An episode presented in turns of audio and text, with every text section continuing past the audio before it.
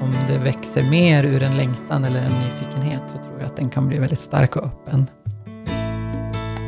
Oavsett vilken gemenskap vi pratar om så strävar vi efter att bli lika. Man måste ju vara beredd på att det får kosta också att vara olika. Hej! Du lyssnar på Angeläget, en samtalspodd från Svenska kyrkan i Umeå med Lena Fageus och gäster. Idag är temat andlig längtan och gäster är Christer Rosenqvist och Gustav Eriksson. Så, då sitter vi här igen. Välkomna tillbaka. Tack. Gustav och Christer, men också du som lyssnar.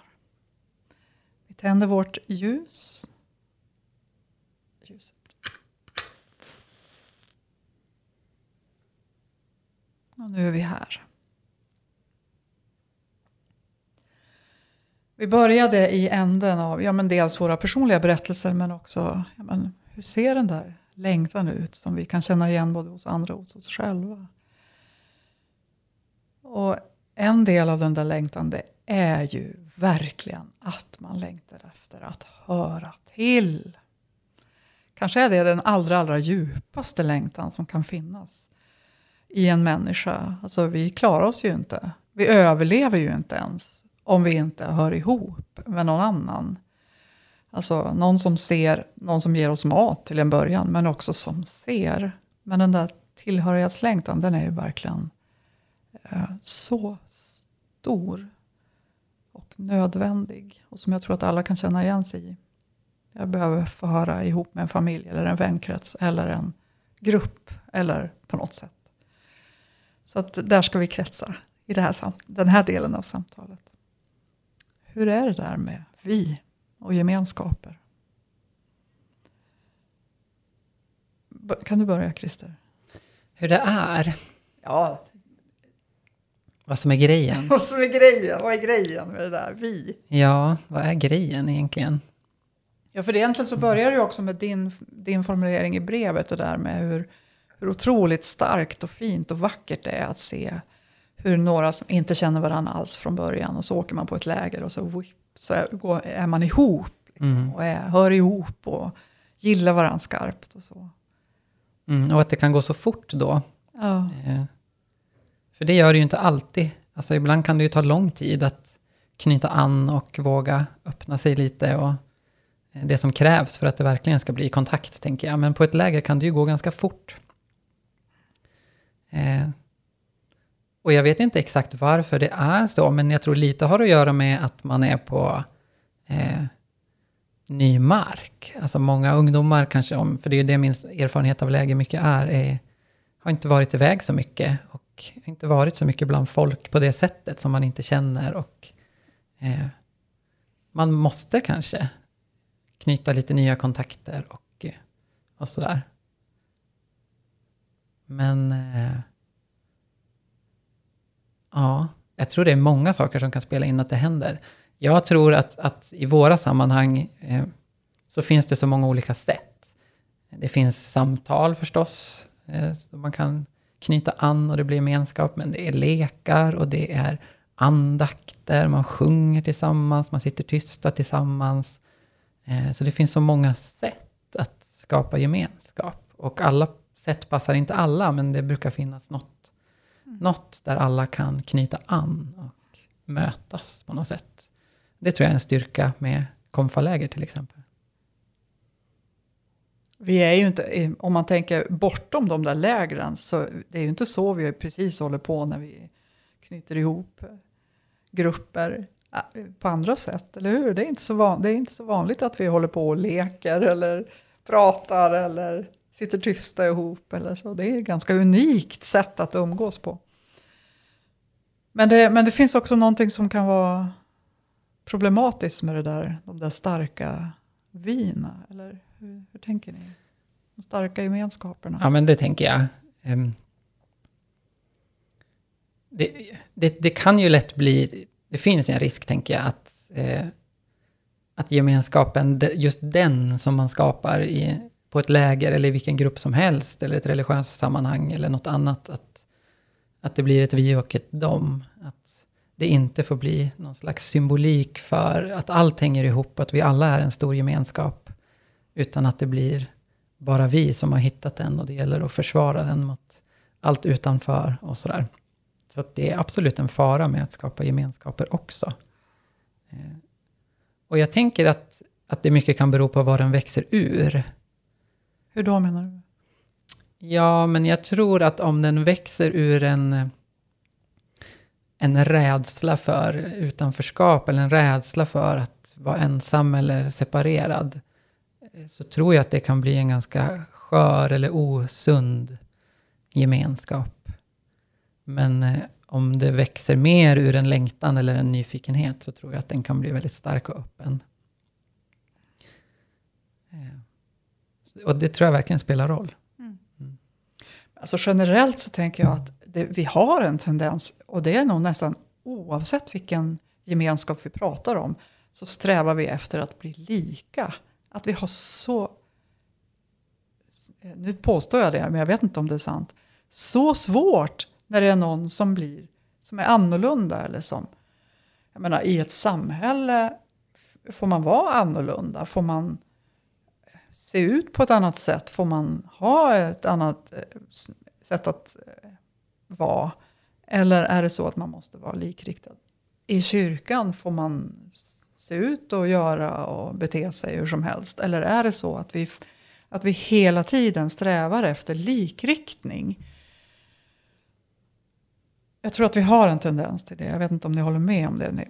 Men, men, eh, men samtidigt så när jag tänker på hur, hur Jesus själv var.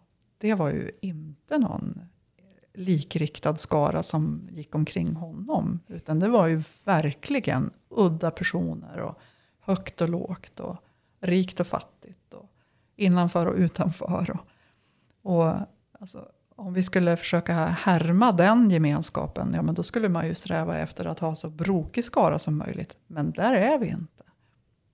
Eller, eller har ni någon annan bild? Nej. Eh, en, en, en, en generell tanke som jag får är att ju mer grundad jag är i centrum eller hjärtat eller marken, så desto större utrymme upplever jag för att det finns utrymme att vara olika. Alltså, sen tror jag att det, jag tror att det, fin, att det både kan vara lätt och svårt både med det stora och lilla viet. Det lilla viet som blir familj och flock liksom, och grupp och by eller samhälle. Det, det är överlevnad och det kommer så naturligt till mig. På något sätt. Och samtidigt blir det också nära relationer. Där vi möter allas våra sidor och jag har inte bara bra sidor. Och så, där. så det kan bli en utmaning. Jag var på väg att tänka att så här, de när, liksom den lilla viet är oftast lätt, men så är det inte alls. Det kan ju vara jättesvårt eh, med, med familjens relationer eller vad det må vara. Jag måste bara klippa in Ja. där för att avbryta Ja. Jag kommer ihåg ett citat från en av mina gamla lärare från way back. Han, han sa så här, han höll något föredrag och så sa han så här. Alltså jag trodde att jag var, jag tyckte att jag var en bra människa och fungerade bra, kul och klok och så, tills jag gifte mig. Då visade det sig att jag kanske inte var så himla enkel och så bra och så klok jämt. Så det, det är verkligen någonting Mm. med att när, man, när, folk kommer nä, när någon kommer nära så blir, så blir man ju också avslöjad på ett sätt. Att eh, jag kanske inte är så okomplicerad som jag själv har trott förut. Nej men precis. Och det, det får mig att tänka på, jag såg en sån här buddhistisk skämtteckning. Som jag tyckte var fantastisk. Då var det en sån munk som hade varit uppe i bergen och verkligen övat och så här. Och så sa den här fantastiska mästaren där så här, nu har du bara ett sista prov på vägen till fullständig upplysning. Du ska få spendera en helg med din familj. och så är sista bilden att han sitter liksom och håller på att bli fullständigt galen vid middagsbordet. Och så här. Ja, det är jättebra. Men bara det korta med stora viet som jag tänkte, det var där, alltså, någon nämnde ordet sund och osund tror jag det här, men jag tänker en sund andlighet vill jag ska vara motvikt mot att vi hamnar bara i det lilla viet. Alltså att nära det stora viet också. Jag, jag tror att det finns diken åt båda hållet, men att det, det andliga utövandet, en av de mest centrala uppgifterna är på något sätt att nära det stora viet. För det är mycket som går emot det också. Och det är svårt. När du säger nära, då menar du ge näring? Ja, typ. förlåt. Ja, förlåt. Nej, Exakt. ja, det är en dubbeltydighet i det. Ja, precis. Ge näring, alltså liksom upprätthålla eller eh, värna om utrymme för det i mig. Påminna kanske. Mm. Och då blir den här dubbelheten i att om man ser in i eldslågan eller om man ser ut över fjället eller upp på stjärnorna. Oj, oj, oj vad stort det här är. Oj, så mycket större än vad jag kan ana det finns. Det är det ena, liksom, på alla olika sätt det har uttryckts. Men också samtidigt att jag är i det här och en del av det här och med i det här. Alltså att den dubbelheten i, i, i det andliga livet och utövandet tror jag är jätteviktig. Eh, därför att om det bara blir det första, det, då kan det nästan bli hotfullt. Alltså universum är läskigt, typ. Och då gäller det att sluta sig i gruppen mot det här. Då blir det far, alltså, men å andra sidan, jag är en del av det här, vi hänger ihop i det här. Då blir det det stora viet som får näring, tänker jag. På något sätt förstå att även i mig så finns det olikheter. Mm. Eh, och att vi är både lika och olika hela tiden. Mm. Att inte bli så hotad av att andra beter sig eller tänker olika eller ser olika ut eller prioriterar annorlunda än vad jag gör. Utan mera tänka att ja, det ska vara så här olikt. Men jag tror att vi kommer att få kämpa med det ständigt. Att se att vi hör ihop samtidigt som vi inte ser ut som att vi hör ihop. Eller något. Jag vet inte. Men din påminnelse är så viktig och spana efter vilka Jesus vände sig till. Ja, Och, och, och hur. Mm. Han gick ju över alla, nästan, nej inte alla gränser, men väldigt många sociala och förväntade gränser. Vilka han, Nej, men jag, och jag tänker också att vi, alltså, eh, ja men vi vill gärna, jag tror att kanske är det så att svenskar är ännu mer än, än andra, i andra kulturer. Vi vill gärna ha konsensus. Vi vill vara överens. Vi tycker att det är skönt när du tycker som jag. Eller hur? Mm. Nu sitter ni här och nickar, så ni tycker som jag. Nej men alltså att det är någonting med att, att det är så besvärligt när någon tycker annorlunda och att jag behöver argumentera. Jag träffade någon gång en, en, en, en, ett par. Hon var svensk och han var från Tyskland. Och de, de pratade precis om det. Han tyckte att i hans kultur så kunde man säga emot bara för att få till diskussionen. Och hon tyckte att man skulle vara sams och tycka lika. Att det, ja, att det olika sätt för oss också. Att vi, ja, men vill vi ha konsensus eller står vi ut med att vi är på olika sätt? kan en knäpp kanske tanke in i det där vara att svaret borde också hänga lite ihop med vad det kostar. Alltså vi lever på ett oerhört annorlunda sätt nu jämfört med om man går tillbaka några hundra år i tiden eller så. Där eh, kan, det ha, kan det ha med lite med klimat att göra? Jag vet inte.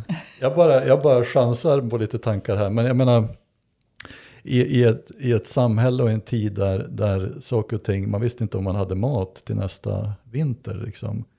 Att inte vara överens om grejer då kanske bar en annan risk, jag vet inte. Det kanske finns, eh, ja. Vad Försöker kost- du få förklaringar? Ja. nej, men, nej, men det- alltså, man måste ju vara beredd på att det får kosta också att vara olika. Ja. Och då handlar det lite om kontexten förstås.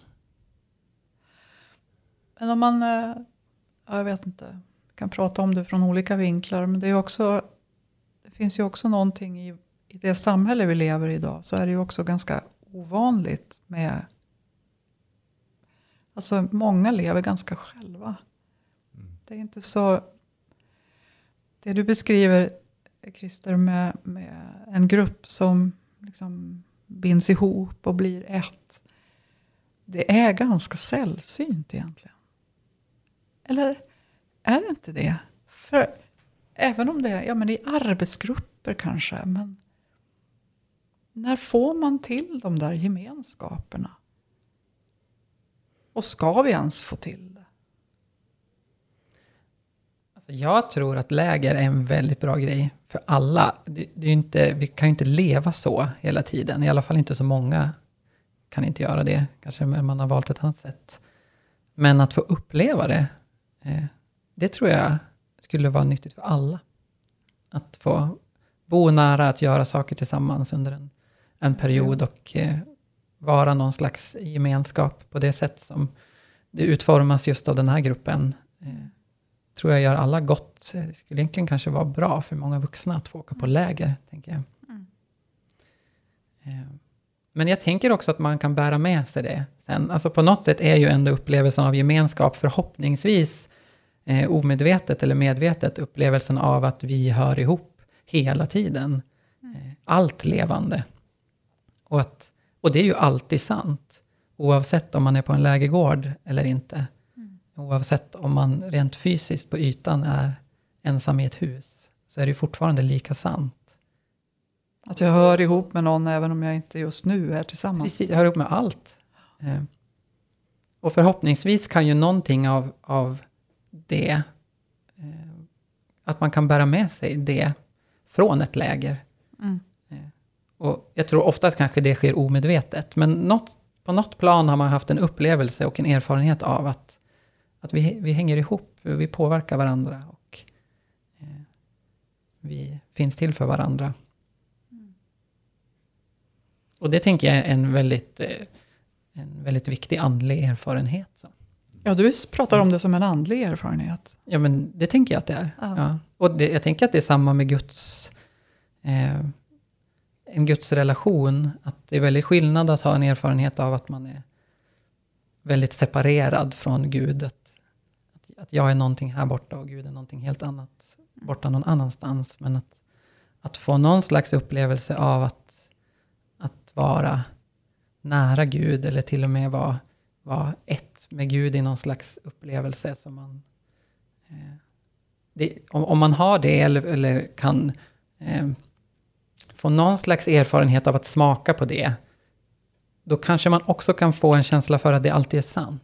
Alltså även när jag inte har den upplevelsen eller erfarenheten så stämmer det fortfarande. Så att vilken relation vi än pratar om, tänker jag, eller vilken gemenskap vi än pratar om, så, så tänker jag att en erfarenhet av det kan man bära med sig sen, även när den upplevelsen eller erfarenheten inte är, är på ytan tydlig längre. Men tänker du då att eh, ja, men om det är så att man har den upplevelsen. Nu, nu låter jag det här handla, nu handlar min fråga både om gemenskaper men också om den här gemenskapen med Gud som du pratar om. Är det så att, eh, att ja, men har man haft en sån där erfarenhet att det då sen är någon slags bottenplatta? Eller tänker du att man kan förlora det om man inte... Eller behöver man... Om, om det är någonting som går sönder i en, i en gemenskap. Eller det börjar skava. Hur gör man då? Hur gör man då? Det är jättesvårt. Men, men Men finns det en utvecklingspotential? Det är egentligen det som ligger i min fråga. Kan man liksom kan man fördjupa hela tiden? Eller, kan, eller vad, är, vad är det där med gemenskap egentligen? Om man kan fördjupa gemenskap hela tiden, Ja, Ja, det tror jag. Jag tror precis som när du pratade förut om det här gränslösa och att aldrig ta slut, så, så gäller det i högsta grad gemenskaper också. Det tror jag. Men, men jag tror att eh, det behöver ju inte vara något dåligt heller att saker går sönder, eller att det börjar skava, eller att det, det kan ju också öppna upp till nya djup och nya möten och kontakter. Så det är också svårt att säga vad som är, är bra eller dåligt, tänker jag, i en gemenskap. Så, men, men jag tror att det alltså, spelar roll om man, alltså, har man från början haft någon slags erfarenhet av att, att vi hör ihop. Så tror jag att det är väldigt mycket lättare att handskas med när det brakar sönder. För att man kan ändå bära med sig att, att den djupaste sanningen är ju att vi hör ihop. Vare sig vi vill eller inte. Jag tänker att det finns någonting när jag, tänker, när jag själv tänker på någon slags, bara en slags bild för eh, det här som du beskriver. Alltså om man har en erfarenhet av att vi hör ihop. Och nu, det, jag tror att det går att prata både om gudsrelationen och mänskliga relationer. Vi hör ihop. Om det då börjar skava eller gå sönder eller man känner att nej men nu fattar jag absolut ingenting. Det här är, nu är jag för drabbad eller du beter dig eller vad det nu kan vara. Att det som, det som behövs, det som jag tror för många, för mig, det har ju i alla fall varit att jag, ja men när man hamnar i det där så vänder jag på klacken och går. Alltså jag, jag, stänger till om mig eller jag skyddar mig. Och så har jag lärt mig med, med åren att det som jag behöver göra för att det ska fördjupas eller ja, men rent av vara en möjlighet. Det är att stå ut med att jag behöver stå kvar. Um, ja. Ja, det känner jag igen mig också. Att stanna. Ja. Mm, jag också. Jag har också den strategin. Ja. Att gå därifrån. Och ibland kanske man behöver göra det. Så det är väl inte så att det finns Nej. något rätt och fel. Men, men om man alltid har den strategin så... Behöver man lära ja, om. Ja, men då är det gott att testa ja. det motsatta. Så är det. det är verkligen sånt både och i mycket av det här. Alltså, Ja. Jag tänker vi hade en jättespännande samtal med en kompis som också är präst härom kvällen. Vi pratade om salmen Du vet väl om att du är värdefull. Och han har han blir lite tokig på den ibland. För det, den är ju väldigt sann såklart. Men ibland kan det också bli en börda. Hur speciell och, och unik ska jag behöva vara? Alltså det kan vara väldigt vila och inte behöva vara det. Också få vara som alla andra bara. Och ett nytt sammanhang för mig är det här med garnisonen. Jag har inte ens gjort lumpen. Jag har ingen aning om sånt där. Men där är ju ett slags eh, läger, väldigt långt läger. Mm. som eh, åtminstone till en början ha extremt lite utrymme för individuella skillnader. Och det är jätteintressant. Jag, det fick mig att tänka på de här retreat-sammanhang jag har varit i, där jag har sökt mig till det. För jag tyckte det har varit som vila. Här går vi in i meditationssalen med om det var vänster eller höger fot först och sen sätter vi oss ner så här och sen så går man och äter frukost. Alltså, ingen bryr sig. Och det var som vila att bara få gå in i det och vara precis som alla andra. Och det är som både och. Ibland är det nåd i det ena och ibland är det nåd i det andra. på något sätt. Eh, Mm, Och det är ju sant att retreater är ju ett slags läger för vuxna. Ja. Eh, Så det är ju det är ju bra att tänka det är på. vuxenläger. Fast man leker inte så mycket där. Nej, det gör man inte. Men man kanske sitter mer tysta tillsammans när man gör på Ja. konfaläger. Så att Ja. det är väl bara vart man lägger tyngdpunkten. Vi ska skapa nya, nya retriter efter det här. Vi tre, tycker jag, ska göra, vi ska göra retriter med tystnad, lek och samtal. Låter bra. Mm. Jag tror vi ska knyta ihop påsen. Hur var det, Gustav? Hade du en text till? Absolut. Eh, den påminner om den första och nu gissar, jag tror att den är från Thessaloniker. Brevet. Vi får lämna det som en liten eh, hemläxa till lyssnaren, annars så kolla upp. Okej, men den är, det är ett av de andra bibelorden som liknar det första, men som jag lutar mig in i ibland. Som är, eh, i Gud är det som allt håller samman.